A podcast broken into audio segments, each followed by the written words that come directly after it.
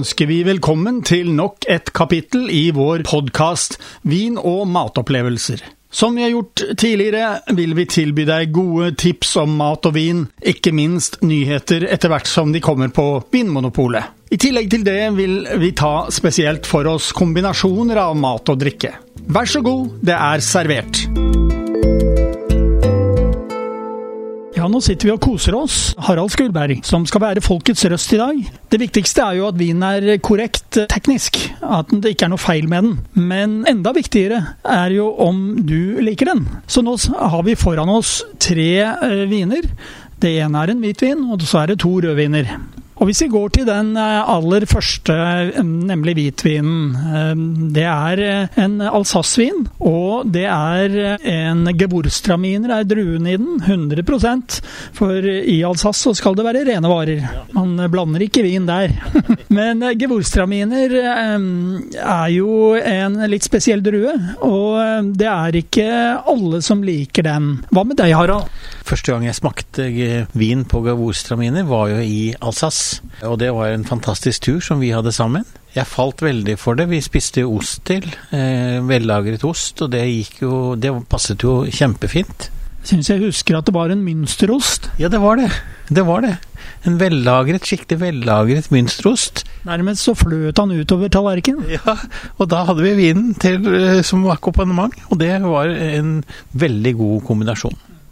Ja, denne koster altså 190 kroner. 189,90. Den er eh, halvtørr, må vi si. For eh, den er 15 eh, gram eh, sukker per liter vin. Og da er det jo eh, grunn til å, for meg å ta fram kjepphesten min også denne gangen, nemlig tenk temperatur. Altså, hvis du serverer den geborstramineren fra Dopp Foirion ved en nedkjølt tilstand, så får du fram syren mye mer. Og, og, det hjelper til å balansere sødmen litt. Spesielt hvis du skal drikke den alene. Ja, og jeg syns du sa det synes veldig treffende. Å balansere sødmen. Det var en vin som virkelig greide å balansere sødmen. Det kan være veldig godt til veldig mye. Der nede så bruker de jo eh, kanskje ikke akkurat denne, men eh, de bruker masse hvitvin til eh, kraftige surkålretter. og det har vi smakt. Det har vi smakt. Vi har smakt så krytt, hvor halvparten var surkål. Og når man snakker surkål i Assas, så mener man surkål. Og det var, det var en kjempeporsjon. Og det er klart at det at du har en kultur hvor det er, det er hvitvin De har jo mange forskjellige hvitviner, fantastiske hvitviner. Så, så var det var bare en helt stor opplevelse, altså. For når jeg sa at det er kanskje ikke alle som er så glad i denne druen fordi den er veldig spesiell Den eh, lukter som, i hvert fall for meg, så lukter den som en roseeng. Masse florale dufter. Og litt krydder. Jeg tror eh, jeg har blitt fortalt at gevorstraminer betyr den krydrede. Gewurst henspeiler på krydder. Så når vi nå smaker på denne her, så kan vi jo finne ut hvordan den dufter og smaker. Veldig fin farge på den. Det er en gyllen, fin eh, Ja, for meg så er det strågul farge. Enig med deg der. Blomstereng. Eh. I eh, Alsace så bruker de jo hvitvin på mange typer mat. Og her i Norge så er vi kanskje ikke så vant til å blande hvitvin og kjøtt, f.eks. Men eh, denne kan eh, passe godt til en eh, fiskerett, kanskje med litt krydder. Fordi jeg tror det vil matche bra med mm, det krydderige i vinen, og ikke minst at den har litt sånn sødme. Ja, jeg tror også den kan brukes til, til det. Altså, jeg syns den hadde en, en fantastisk var Veldig elegant og veldig Det en, ga en sånn balansert balansert uh, smak. Så jeg, jeg, likte den veldig godt. Og jeg tror den også går fint å drikke alene. Det jeg har uh, opplevd, det er jo at akkurat denne type vin som vi sitter med her i hånden nå, det er uh, et must for en toast med røkelaks. Og Det har vi testet før, men da var det en tørr gevorstraminer. Nå har vi en som har litt sødme, og det skal vi da teste. Men vi har flere viner foran oss. Vi har to røde. Og den første, den eh, heter Herford. Kommer fra Argentina. Den har en stor eh, Ja, vet ikke om det er okse eller ku, men det er i hvert fall storfe på etiketten. Og det er ikke tilfeldig, for det er de eksperter på der nede. Nede på Pampasen hvor vi har vært. Der eh, lar eh, storfe gå og gresse. Og disse gauchene, de, eh, de passer på. De gjør det. Og det er jo veldig artig å smake det etter at vi smakte det der nede. Jeg har tidligere nevnt at eh, i Sør-Afrika så, eh, så, er det grilling som er eh, nasjonalhobbyen. Men jeg tror Argentina kommer godt etter. Og dette er en tørr rødvin. Det er absolutt fin friskhet her og fylde. I tillegg så har den garvestoffer, og jeg vil tro at det vil passe utrolig bra til ja, til grill, f.eks. Ja, det tror jeg òg. Det overrasket meg at den hadde eh, så mye smak, så den tror jeg passer, kommer til å passe veldig godt. For her er det innslag av røde bær, kanskje moreller. Er du enig i det? Moreller er jeg helt enig i. Det er jo en blanding av eh, tre druer. og Den ene er Malbec, som er eh, Argentinas nasjonaldrue. Det andre er Syra, og det er Sangiovese, som er altså Toskanas nasjonaldrue. Og For å være helt ærlig så syns jeg at jeg kjente duften av San Sangiovese her. Det syns jeg òg. Jeg syns det er veldig spennende at de blander inn Sangiovese, for jeg har vel nesten ikke opplevd det utenfor Toskana. Eller Italia, da. Jeg har også smakt det noen, gang, noen steder, andre steder i Italia. Men, men det, det, er jo veldig spennende, syns jeg, at de har, har det inneblant.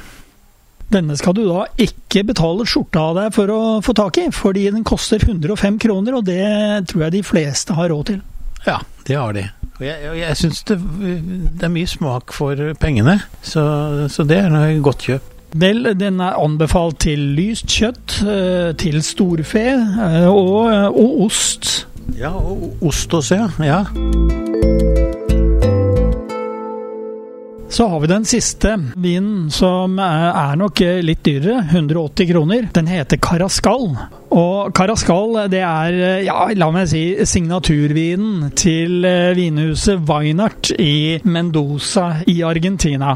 Alle disse tre vinene får du på basisutvalget, og det betyr jo at de aller, aller fleste vinmonopolutsalg har disse vinene. Det, det gjør det jo greit for forbrukerne. Denne er da mm, en vin som er eh, kraftig. Jeg tror Hvis vi smaker på den nå, så tror jeg vi vil kjenne det kraftig både i duft og smak, vil jeg, jeg si. Fylden er stor, og det er nok med garvestoffer.